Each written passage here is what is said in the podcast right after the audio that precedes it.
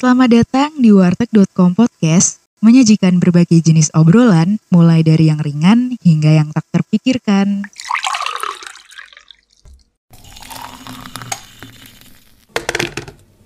Halo teman-teman semua.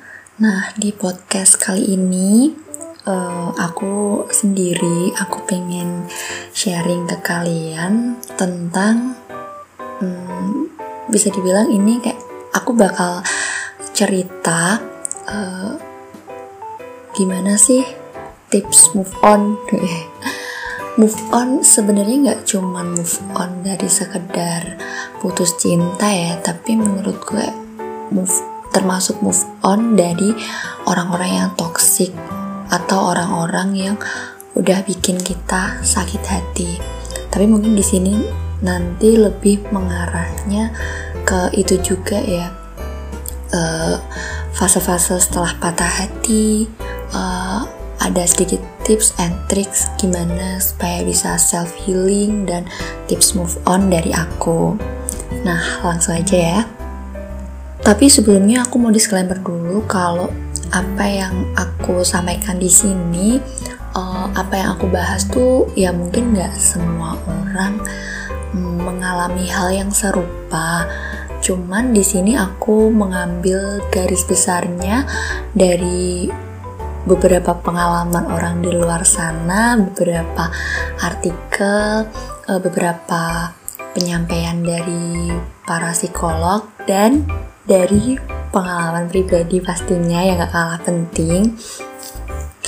Uh, nggak nggak bisa dipungkiri kalau yang namanya patah hati putus cinta itu udah mutlak sesuatu hal yang sangat-sangat nggak enak dan damage-nya tuh bener-bener bisa berpengaruh gitu loh. Ya mungkin buat sebagian orang tuh kayak ya udah putus cinta cari lagi lah. Tapi ada juga yang kayak putus cinta tuh butuh waktu cukup lama dan waktu setiap orang itu beda-beda gitu loh. Buat sembuh dari lukanya buat ikhlasin semuanya bahkan membuka hati buat orang baru pastinya ya.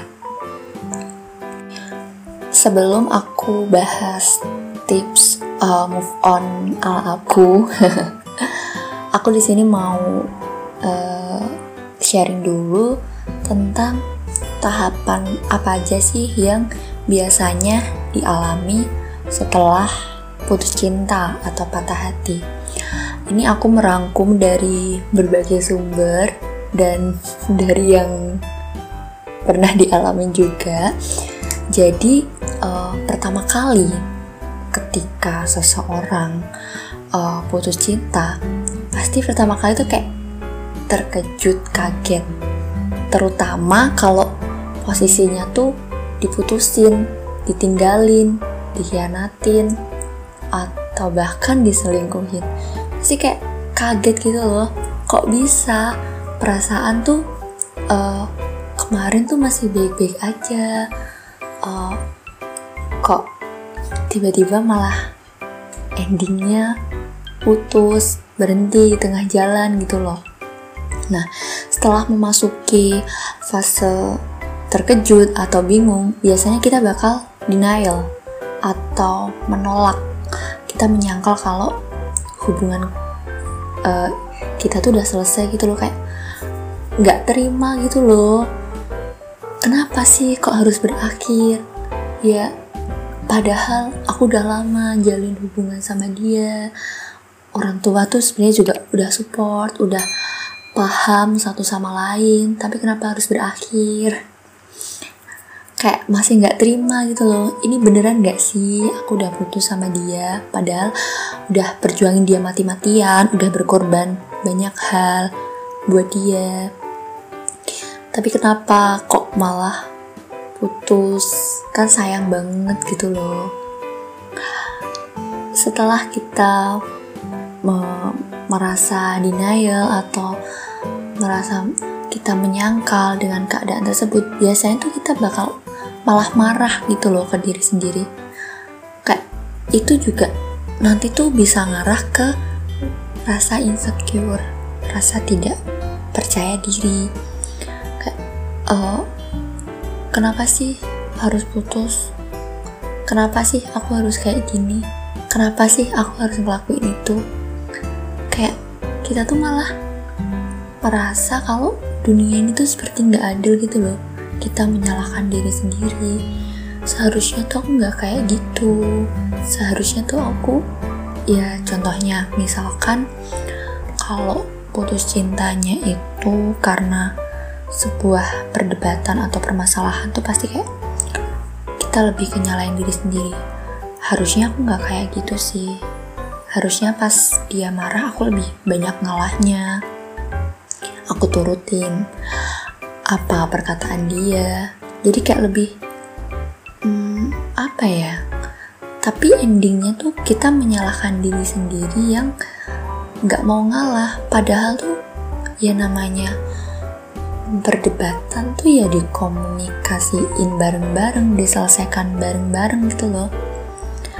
Terus kita uh, kita biasanya malah banding-bandingin sama hubungan orang lain misalkan wah dia aja kok bisa ya? Langgeng. Kok kok kelihatannya bahagia ya? Kok dia bisa ya oh, pacaran lama sampai nikah? Kok aku enggak sih? Kenapa sih harus aku? Kenapa harus aku? Ya nggak cuman kamu doang. Banyak kok yang mengalami hal serupa banyak kok. Bahkan banyak juga yang lebih parah. Oke oke. Lanjut lanjut. Nggak usah banding bandingin semuanya udah ada porsinya sendiri. Setelah kita melewati fase denial penyangkalan dan fase marah dan merasa dunia nggak adil biasanya kita kayak mulai berandai-andai. Tiba-tiba tuh terlintas di pikiran andai aja waktu itu nggak ada perdebatan itu. Andai aja aku nggak gitu.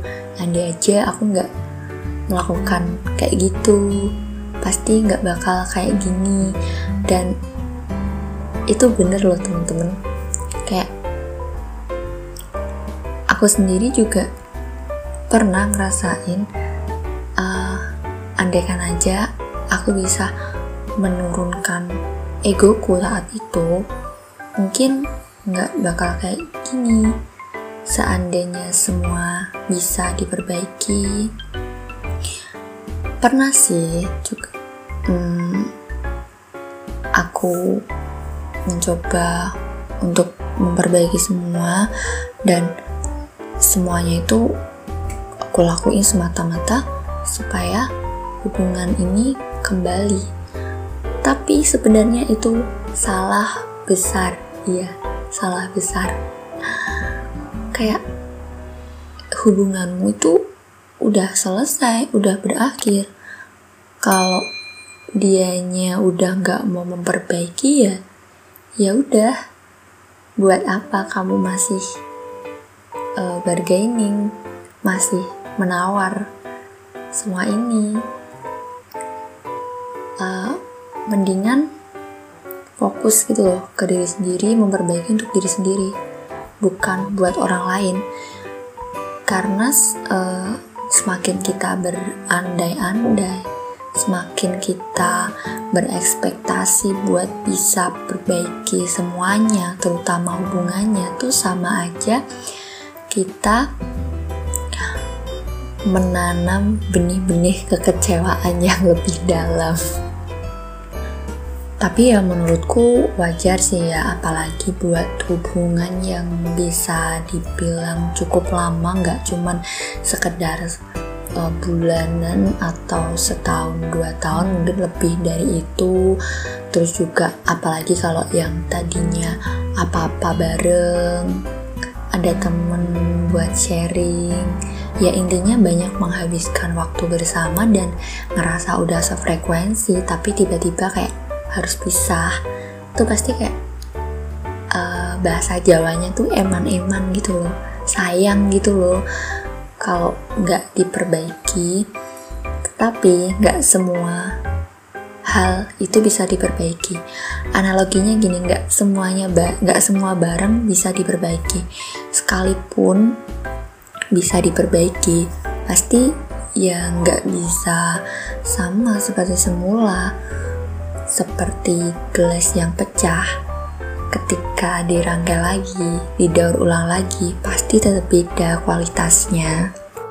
Nah semakin kita larut dalam andai-andai gitu biasanya tuh malah membawa kita kepada mengarah kepada uh,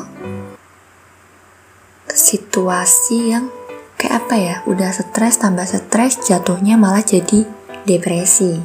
Iya depresi uh, hidup rasanya kosong sedih banget gitu bawaannya. Kayak rasanya tuh hidup udah berakhir gitu loh. Ya karena apa? Karena sejak awal tuh kita udah menggantungkan kebahagiaan ke pasangan kita. Jadi ketika orang yang kita gantungkan, orang tempat kita bergantung itu pergi, ya seketika kayak rasanya itu hancur gitu loh. Mau beraktivitas nggak semangat, mau bahkan mau makan dan minum pun aja tuh susah gitu loh apalagi kalau udah ya mungkin kalau cuma stres biasa gitu cepet ya ya udah stres terus lama-lama bisa healing ya udah selesai. Cuman kalau udah sampai di tahap depresi tuh biasanya bener-bener butuh waktu gitu loh pemulihannya. Sakit fisik dibawa ke dokter kasih obat buat tidur. Udah sembuh. Lah kalau sakit mental? Udah sakit mental berdampak juga ke fisik. Mau makan susah, mau minum susah, mau tidur susah, kayak diajak ngobrol, gak nyambung, pikiran kosong, yang dipikiran kayak cuman mikirin mantan terus, masih berandai-andai biar bisa balikan, ya bahkan ada juga yang mungkin berpikiran buat menyakiti diri sendiri dan bahkan sampai mengakhiri hidupnya banyak sih yang berada di fase seperti itu. Ya gimana ya? Kita nggak akan pernah bisa mengukur dalamnya perasaan seseorang dan nggak semua orang itu bisa disamaratakan gitu loh. Cara melewati sebuah ujian melewati sebuah masalah tapi semuanya itu pasti terlewati, semuanya pasti berlalu. Ketika kita udah berada di fase depresi dan kita bisa bangkit, itu biasanya kita kayak bakal lebih uh, lebih adaptif, lebih kayak udah mulai apa ya udah mulai nerima, udah mulai kayak sadar gitu loh, wah aku nggak bisa nih kayak gini terus kalau kayak gini terus gimana aku mau bisa produktif gitu loh. Biasanya udah mulai uh, beradaptasi dengan lingkungan sekitar udah bisa beraktivitas dengan normal sudah mulai belajar ikhlas dan mulai masuk ke uh, tahap move on. Nah ini nih part penting. Kebanyakan orang tuh kayak gimana sih caranya move on? Gimana sih cara lupain dia Menurutku gak ada cara yang bisa dilakuin buat melupakan seseorang. Apalagi kalau seseorang itu pernah ada dan mengisi hidup kita pernah memberi kebahagiaan sekaligus memberikan kesedihan juga buat kita. Sampai kapan pun tuh kita bakal tetap inget gitu loh semua yang udah pernah dia lakuin. Ya cuman bedanya ketika kita udah berada di tahap move on kayak inget aja tuh kayak ya udah biasa aja gitu loh. Inget kayak oh ya udahlah udah terjadi kayak ya udahlah gitu loh. Tapi ketika kita belum bisa move on tuh biasanya ketika mengingatnya itu rasanya kayak antara kembali ke fase di mana kita berandai-andai atau kita malah kayak stres lagi, sedih lagi kalau inget dia yang udah nyakitin kita rasanya kayak masih sakit gitu. Bicara soal move on. Move on itu tuh sebenarnya soal waktu sih menurutku. Emang sih banyak gitu sumber yang menyebutkan tips move on. Aku sendiri juga punya dan nerapin beberapa tips itu dan bener-bener bekerja di aku gitu loh bener-bener. Ya setelah melakukan semua itu akhirnya bisalah move on. Cuman nggak bisa instan. Semuanya tetap butuh waktu dan setiap orang punya jatah waktunya sendiri gitu loh ada yang mungkin uh, cuman berapa hari, berapa bulan, bahkan ada yang tahunan gitu. Sekali lagi, dalamnya perasaan seseorang itu nggak ada yang tahu. Apalagi karakter orang tuh juga beda-beda. Uh, lingkungan uh, tempat seseorang berada itu juga beda-beda. Support dari uh, orang sekitar itu juga beda-beda dan menurutku itu berpengaruh banget buat kita gitu. Oke langsung aja masuk ke tips move on ala aku. Gak cuma ala aku sih Mungkin hampir sebagian besar orang juga uh, melakukan hal yang serupa. Yang pertama yaitu Jangan mengurung diri. Ya, Jangan membiarkan diri kita larut dalam kesedihan.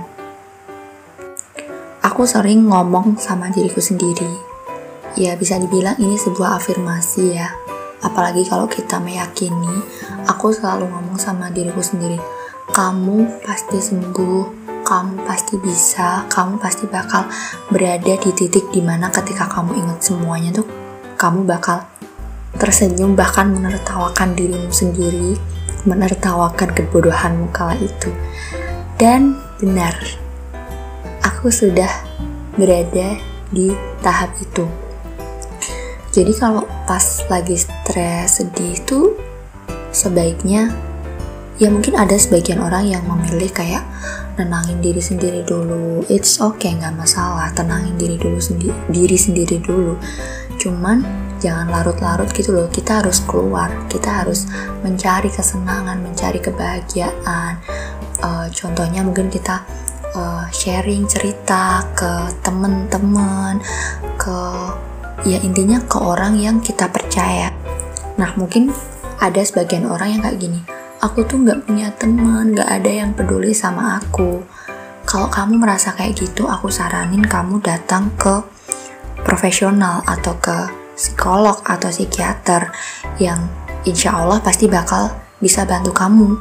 Jangan malah kamu diem, biarin diri kamu larut-larut dalam stres, jatuhnya depresi, dan bisa berpengaruh ke segala aspek kehidupan kamu. Kalau aku sendiri, aku itu uh, tipe orang yang ekstrovert ya. Jadi, hmm, buat healing, self healing, aku sendiri tuh ketika aku stres, aku harus keluar. Aku harus ketemu orang, aku harus cerita. Ya, harus curhat. Karena bagi aku sendiri tuh, aku ngecharge energi aku tuh juga dari orang lain gitu loh. Ya kembali lagi karena aku tipe orang yang extrovert itu tadi. Uh, alhamdulillahnya juga aku dikelilingi oleh orang-orang yang sangat support ya. Uh, keluarga aku teman-teman deketku ya. Aku nggak mau sebutin satu persatu ya. Yang pasti buat kalian yang pernah aku sabatin yang pernah menerima keluh kesahku dan yang gak pernah meninggalkan bahkan di titik terendahku sekalipun Terima kasih kalian orang baik. Tuhan akan membalas segala kebaikan kalian berkali-kali lipat. ya intinya itu tadi ya jangan larut jangan mengurung diri jangan di kamar terus harus keluar jalan-jalan cari kesenangan ketemu orang belajar hal baru cari kesibukan yang membuat kamu seneng buat kamu nyaman and then kalian juga harus menyingkirkan atau menjauhkan atau melenyapkan sesuatu hal yang berbau sama mantan atau barang-barang. Mungkin sederhananya foto lah ya. Foto tuh pokoknya yang sekiranya itu bisa menghambat move on kalian biasanya kan kalau move on ya kalau lihat atau teringat pasti rasanya sakit gitu kan. Ya mungkin di sebagian orang ada yang nggak perlu melakukan hal itu tapi di sebagian orang juga emang harus melakukan itu. Ya mungkin itu membereskan barang-barang dari mantan ya gimana pun caranya kayak sesuatu hal yang berkaitan sama mantan atau berkaitan sama seseorang yang udah menyakitin kita itu sebaiknya jauhin dulu lah. Karena itu emang bener-bener berdampak sama proses move on dan proses healing kalian. Nah selanjutnya ini nih biasanya yang bikin perdebatan yaitu hmm, blokir nggak blokir. Macam-macam sih ya setiap orang nggak bisa disamain. Mungkin ada yang menganggap kalau blokir mantan itu ih childish ah ih ketahuan banget nggak bisa move on. Ya menurutku nggak ada yang perlu disalahkan ya nggak perlu dijudge gitu loh. Karena setiap orang punya caranya masing-masing gitu loh kalau misalkan tanpa memblokir kamu udah bisa move on ya bagus malah. Tapi nggak semua orang bisa kayak gitu. Kalau emang dengan cara memblokir itu kamu bisa move on ya nggak apa-apa lakuin aja. Uh, aku pernah memaksakan diriku kayak ya udahlah ya meskipun udah putus ya yang penting kita nggak memutus tali silaturahmi meskipun ya meskipun meskipun meskipun banyak meskipunnya ya. Tapi aku menilai kalau itu tuh aku malah maksa diriku gitu loh. Ternyata aku nggak bisa pakai cara itu. Ya satu-satunya cara yang bisa dilakukan adalah blokir semua akses sama mantanmu. Dan itu emang bekerja ampuh sih blokir di sini tuh nggak bermaksud childish atau uh, memutus tali silaturahmi itu enggak ya paling enggak sampai kamu bener-bener sembuh gitu loh. Urusan nanti setelah itu kamu mau temenan mau kayak jadi penonton story ya ya udah yang penting sembuh dulu gitu loh. Yang penting lu kamu sembuh kamu udah move on udah happy sama dirimu sendiri dan ketika kamu lihat dia kamu teringat dia tuh kayak ya udah biasa gitu loh. Nah ini juga part penting. Sebenarnya move on itu ketika kita udah bisa ikhlas. Iya ikhlas dengan semuanya kita nerima. Oh aku udah putus. Oh ya udah. Berarti emang belum jodoh berarti emang Tuhan lagi nyapin jodoh terbaik ya mungkin Tuhan lagi pengen kamu uh, fokus sama pendidikanmu dulu, sama karirmu dulu, fokus buat nyenangin dirimu sendiri. Ya itu di tahap ikhlas tuh ketika kayak teringat semuanya tuh kayak ya udah, udah biasa aja, udah nggak sedih lagi, udah legowo, udah lapang dada.